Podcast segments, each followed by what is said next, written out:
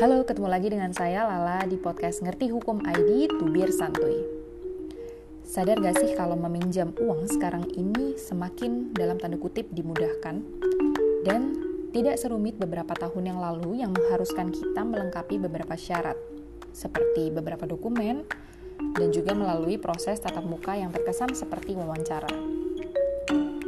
Zaman sekarang kita hidup di era industri teknologi, salah satunya adalah financial technology atau biasa disebut dengan fintech. Fintech ini memiliki beberapa jenis pengelolaan keuangan, seperti pembayaran, kemudian um, investasi, dan juga menabung. Salah satunya adalah pinjaman, yang memberikan akses pinjaman uang secara online dengan praktis dan cepat.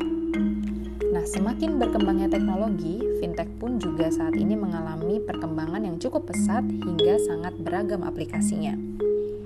Namun jangan sampai kita jadi abai dan asal pilih aplikasi pinjaman online ya. Terutama harus yang legal, agar tidak terjadi hal-hal yang tidak diinginkan. Nah, simak yuk tips-tipsnya agar tidak salah pilih aplikasi pinjaman online atau pinjol. Yang pertama, cek terlebih dahulu kelegalan aplikasi pinjol melalui laman Otoritas Jasa Keuangan atau OJK. Bisa melalui websitenya di www.ojk.go.id.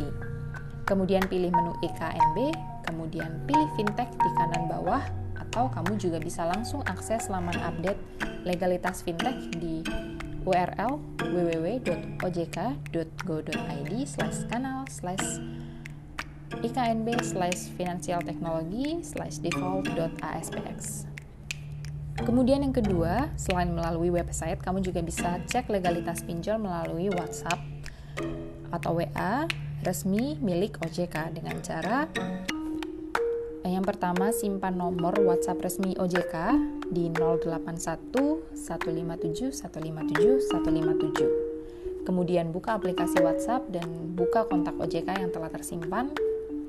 Setelah itu ketik nama pinjol yang ingin dicek, misalnya pinjol.com.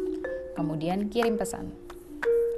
Tunggu hingga bot selesai menelusuri dan memberikan jawaban ter terkait status pinjol tersebut di OJK.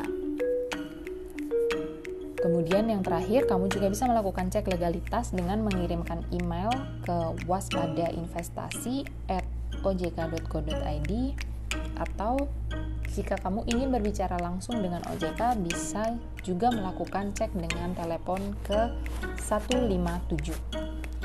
Begitulah cara mengecek legalitas dari pinjol yang terpercaya demi ketentraman bersama.